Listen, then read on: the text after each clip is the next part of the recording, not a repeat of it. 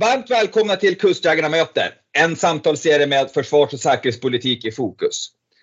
Innan Rysslands invasion av Ukraina ville vår förening Kustjägarveteranerna på något sätt bidra till den försvars och säkerhetspolitiska debatten.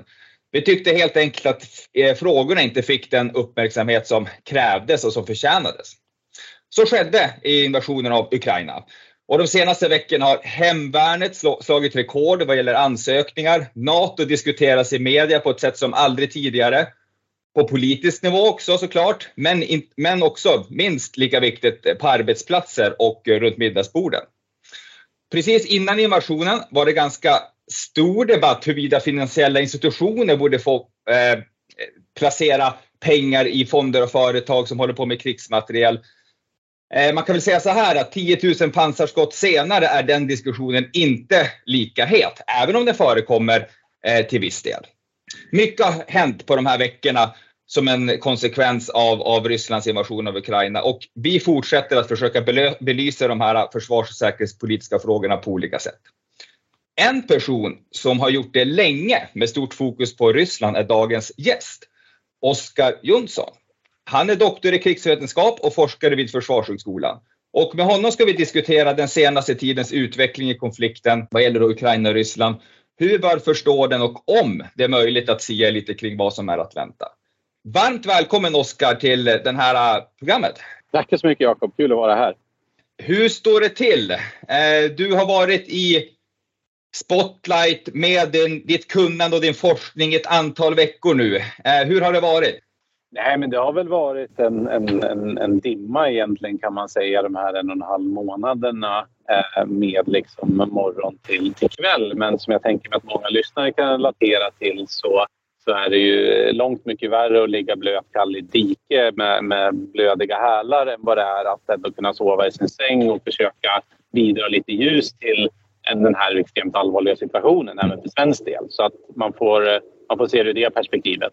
Du är ju eh, disputerad i krigsvetenskap, du jobbar med de här frågorna dagligen. Men om du bara kort skulle förklara inriktningen på det du gör när du inte medverkar i media och hjälper oss förstå den här konflikten. Vad, vad är ditt mm. fokus då? Men just nu har jag väl egentligen eh, tre olika forskningsprojekt på gång. Och det är ett som görs för MSBs räkning eh, som heter icke-militär krigföring som handlar egentligen allt som sker utöver det militära. Och även om eh, Ryssland har invaderat Ukraina just nu så är ju många delar, de bärande delarna av rysk strategi, till exempel mot Sverige, Europa Europa, USA, fortfarande icke-militär. Där forskar vi på allt ifrån eh, informationsoperationer, cyberkrigföring, teknologisk kapprustning eh, men även teoretiska frågor. Ja, men hur avgör man vem som är kombatant i eh, desinformation till exempel? För det är avgörande för stater hur man kan svara på det.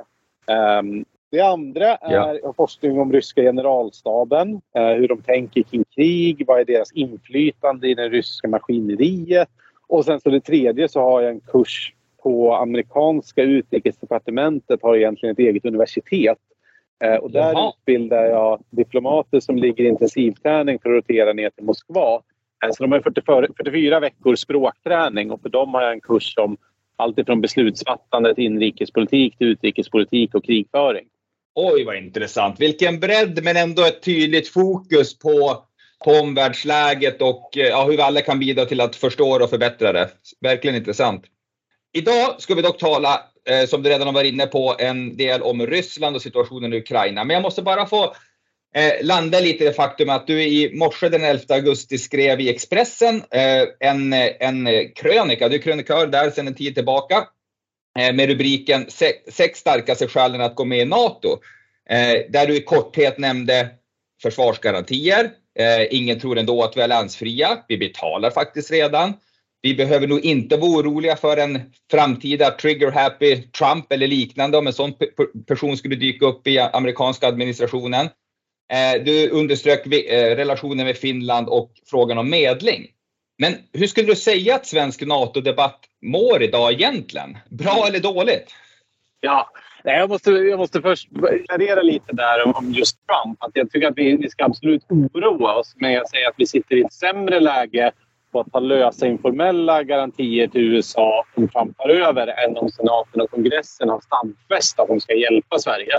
Nej, alltså Natodebatten har ju tagit ett enormt skifte bara på tio år där det har gått ifrån att vara eh, någon form av eh, liksom väldigt skarpt eh, motstånd till bara de senaste veckorna så har egentligen eh, mitten eh, och stora delar av det socialdemokratiska partiet tystnat i frågan och det är i princip bara Gudrun Schyman och eh, liksom Kajsa Ekis Ekman kvar där. Mm. Så att bara på en månads tid har vi sett en enorm omsvängning. Den är ju såklart driven av Finland. Av allt att döma så har Finland fattat beslutet och då är frågan om, om Sverige ska stå kvar på perrongen i detta historiska skeende eller om vi ska följa med ett land som vi ändå har eh, försvarsplanering med och har eh, liksom åtagande till enligt EU. Eh, så att, eh, jag skulle säga att det är ett enormt skifte. Lyckas vi i Sverige här hålla fokus på rätt typ av frågor eller blir det pseudofrågor eller går det att göra någon snabb analys av det?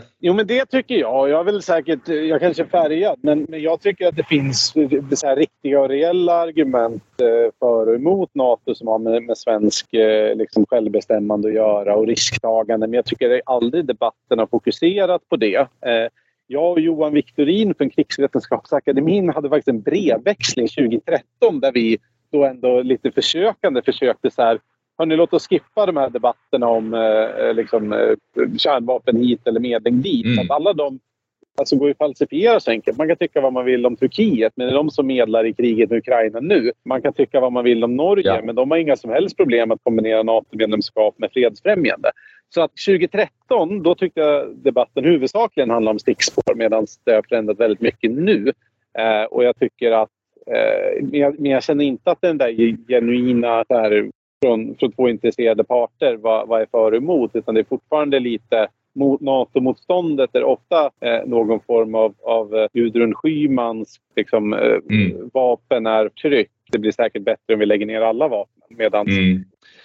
Vi, vi, vi, möjligen att, det, att vi återkommer kort till NATO-frågan under det här samtalet, men vi är ändå snart två månader in i, in i kriget, Rysslands invasion av Ukraina. Du har följt den så nära eh, som det i princip bara går. Vad har du förvånat dig under den här tiden? Vad, vad är det vi har sett egentligen? Men det, är ganska, det, det är flera saker som har förvånat mig. Jag tror, jag tror framför allt är väl det ryska, eh, ryska operationsplanen och där som, som jag nämnde, jag forskar ju på ryska generalstaben och det är inte så här de tänker kring krig, det är inte så här de övar kring krig och det är inte så här de vill kriga.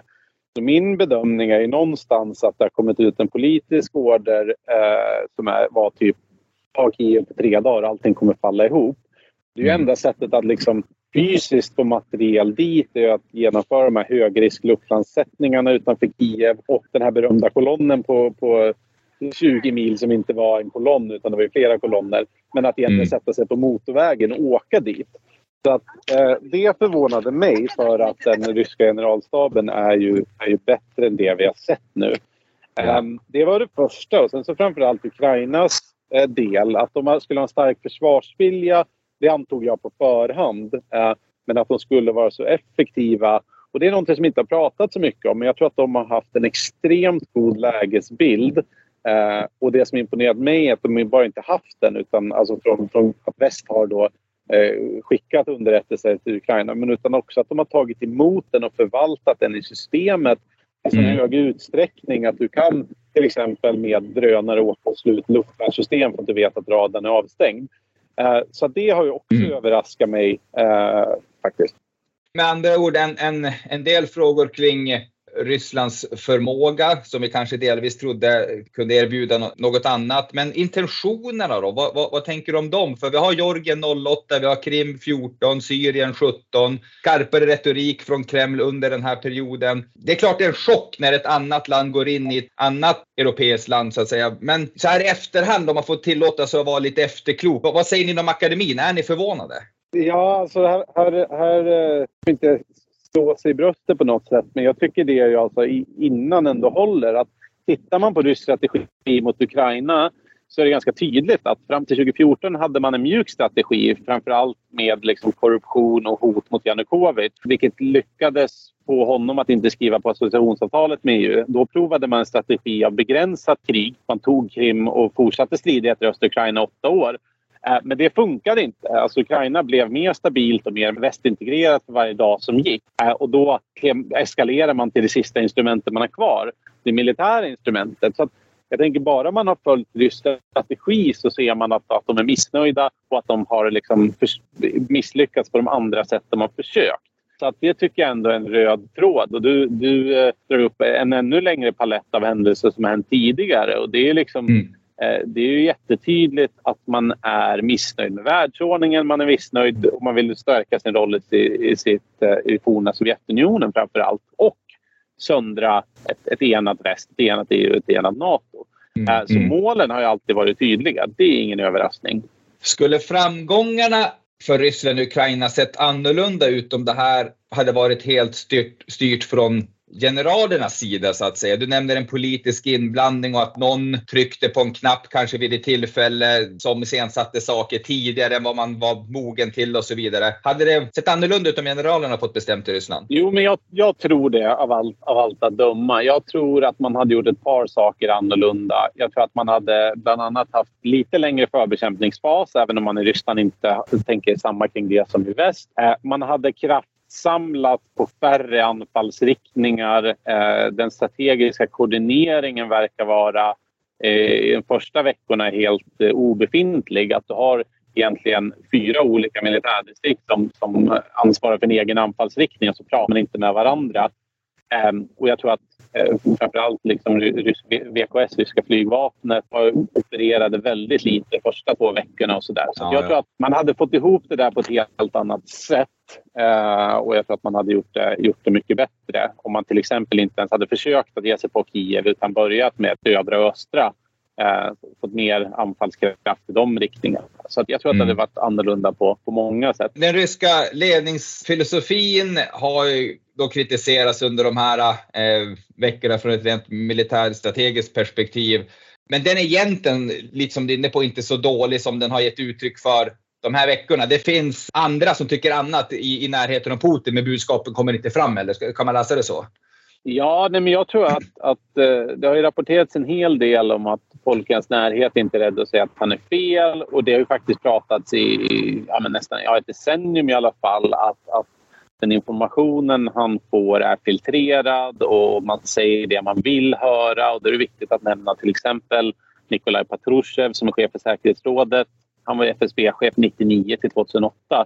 Sen tog han över säkerhetsrådet och nyckelinstitutionen. Han är ju känd som en av de mer konspiratoriska som så här, CIA knäckte Sovjetunionen och, och internetens CIA-skapelse och så vidare. Och han mm. verkar vara en av de viktigaste som filtrerar information där.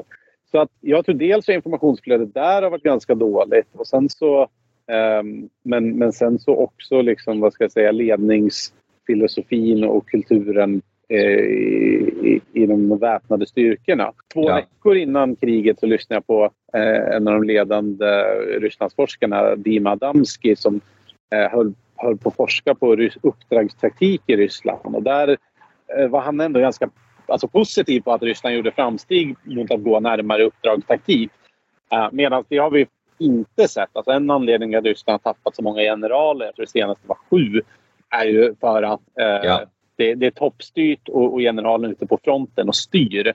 Um, och så. så att det verkar fortfarande finnas mm. ganska mycket ledningskompression och en avsaknad av specialistkår. Tänker mig att lik pandemin så, som kommer att sysselsätta forskare inom medicin under många decennier framåt, även sociologi och ekonomi, så är situationen vi nu upplever i Ukraina något som kommer att men engagera akademi och, och, liknande institutioner en lång tid framöver. Vilka är de? Går det redan nu att se några frågor som måste liksom adresseras och besvaras när dimman på slagfältet bokstavligt talat har, har lagt sig? Va, vad måste man ta sig sig an? Jo, nej, men det, det, det är precis som du säger och det är ju ett problem som hela disciplinen eh, krigsvetenskap lider av. Och det är ju mm, att man inte mm. har så mycket empiri utan att man drar för stora slutsatser på den empirin man har. Alltså, i Georgien 2008 så krigade Ryssland väldigt dåligt och då pratade man i, i sex år om hur dåligt och illa ställt det är i de ryska väpnade styrkorna.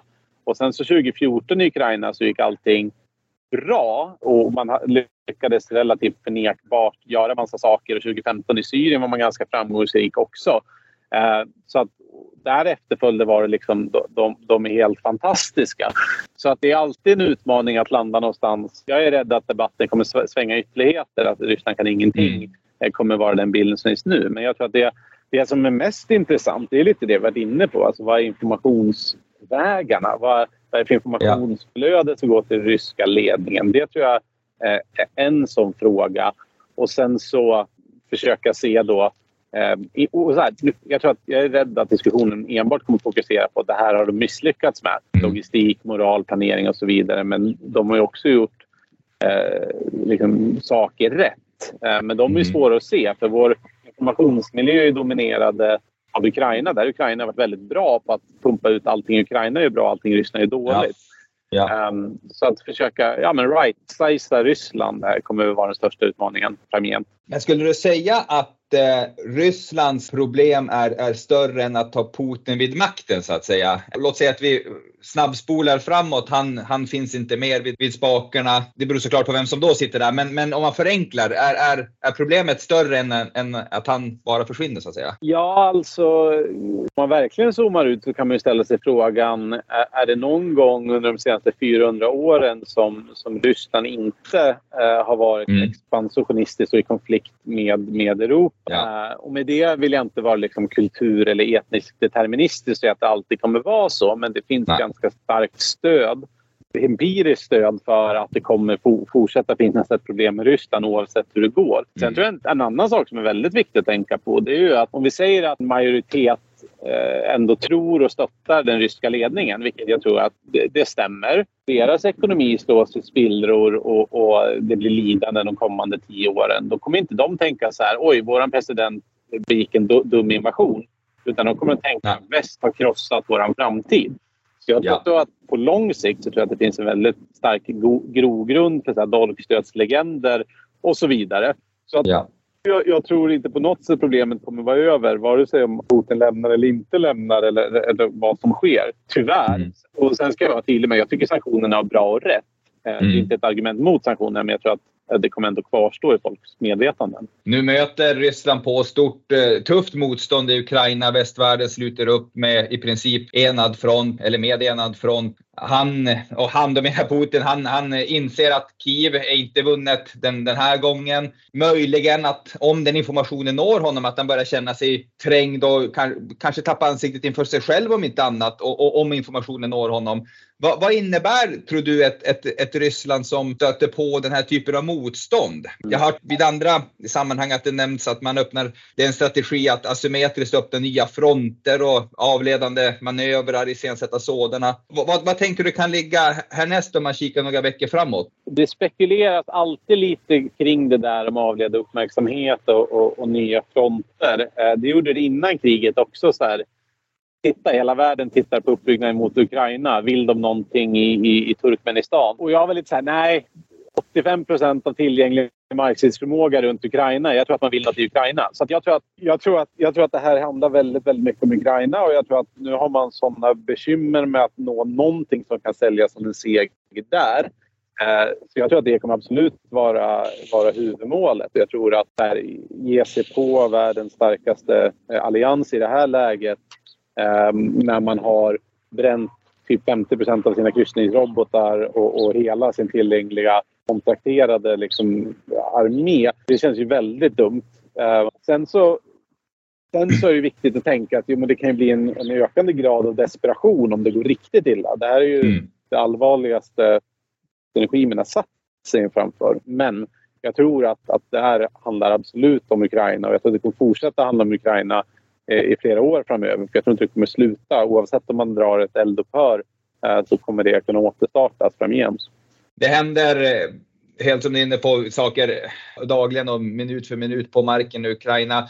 Vem, vems ansvar är att orka ha den strategiska vad ska man säga, utblicken? Vad som händer då bakom hörnet? Återigen, man, man kan säga om vad, men är det vem, vem bör ansvara för en, en, ett sådant arbete så att säga? Ja, men det är bra. Det, det, är en institutionell fråga i Sverige hur vi, hur vi tänker kring det där. Alltså, jag har ju länge argumenterat för att vi behöver ett nationellt säkerhetsråd. Så, så, att det finns ett forum där man kan jämka Försvarsmaktens pusselbit med FRAs pusselbit med Utrikesdepartementets pusselbit. Och vi har ju inte riktigt det. UD hade ju förut ett kansli för strategisk analys där man försökte blicka lite längre. Men tittar man på till exempel franska UD så har ju de en väldigt stark policy planning-del där, de, där du har liksom, ja men Europadesken jobbar med Europafrågor men policy planning-delen sitter och funderar på vad vill vi med Europa egentligen? Och där upplever jag att vi, det står mycket sämre till i Sverige eh, med den här förmågan att tänka långsiktigt. Och jag vet inte, dels är det väl kulturellt men sen är det också institutionellt. att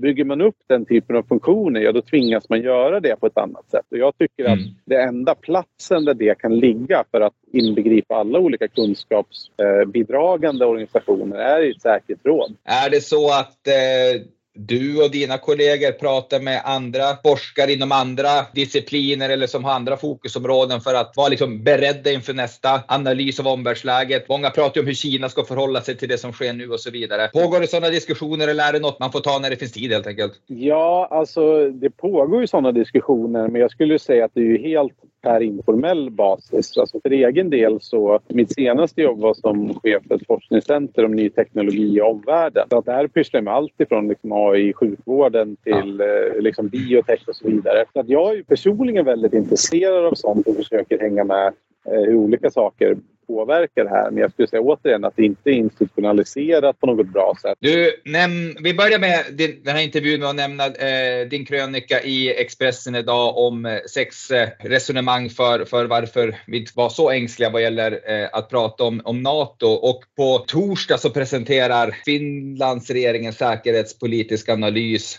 då, då såklart NATO-frågan är i absoluta centrum. Återigen, det är svårt med den där äh, spåkulan, men vad tror du vi kan förvänta oss av en sån analys? Ja, men det är viktigt att ha i åtanke att den finska presidenten Sanna Marin sa att vi måste få ett avslut i den här frågan. Äh, och det för mig betyder att de har bestämt sig för att Finlands säkerhetspolitik och strategi fram tills nu har ju varit ett icke-beslut. Alltså man säger att om Ryssland beter sig sämre så kan man söka NATO-medlemskap. Ja. Så att när Finland har icke-beslut som strategi så säger man att vi måste komma till beslut. Det, det för mig betyder att de till 100 procent har, 99 procent har ändå landat i att de, att, de, att de kommer söka medlemskap. Och den här analysen som de lämnar in på skärtorsdagen är det första institutionella steget dithän. Ja, den, den är vi många som kommer att läsa när den görs tillgänglig för, för allmänheten. Just nu, Oskar, en avslutande fråga. Hur följer utvecklingen så att säga? Vad ska vi ha extra koll på de närmsta veckorna vad gäller Ryssland och Ukraina? Nej, men jag, tror att, jag tror att Ryssland håller nu på att försöka omgruppera för att eh, genomföra en större offensiv i östra Ukraina och egentligen så är det någon form av liksom sista försök att få en avgörande militär vinst. Så min bild är att utmattningen är ganska stor eh, kring de ryska väpnade styrkorna. Så att nu försöker man samla det som är kvar, se om man kan eh, skära av de ukrainska förbanden eh, i en linje där vid Isium, Kramatorsk, Slaviansk ner till Mariupol. Uh, och, och för sen försöka klara vinst om det. Hittills har ukrainska försvarsmakten lyckats hålla om stången där, men det är det området jag tittar främst Stort tack Oskar Jonsson för att du deltog i det här samtalet och eh, vi kommer att följa utvecklingen utifrån de eh, ingångsvärden du gav där och följa dina analyser. Vi uppskattar dem verkligen. Jättetack! Varmt tack Jakob och tack som alla, för alla som lyssnat.